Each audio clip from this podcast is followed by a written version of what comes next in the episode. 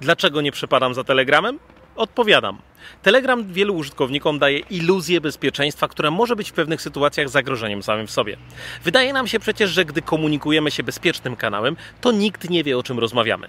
Prawda, ale może wiedzieć na przykład z kim prowadzimy dyskusję, a to też istotna informacja. Potwierdza to na przykład niedawna decyzja władz Iraku, które odwołały wcześniejszą blokadę Telegrama. Dlaczego? Ponieważ firma go produkująca spełniła wymagania reżimu, takie jak choćby współpraca w zakresie ustalania tożsamości korzystających z komunikatora. Choć tu trzeba przyznać, że oficjalnie mowa jest jedynie o osobach publikujących czyjeś dane osobowe bez zgody na to. Cóż, władza na pewno nigdy nie wpadnie na to, żeby pod takim pretekstem pozyskiwać dane opozycjonistów, sygnalistów czy niezależnych dziennikarzy. Dlatego, kiedy pytacie mnie,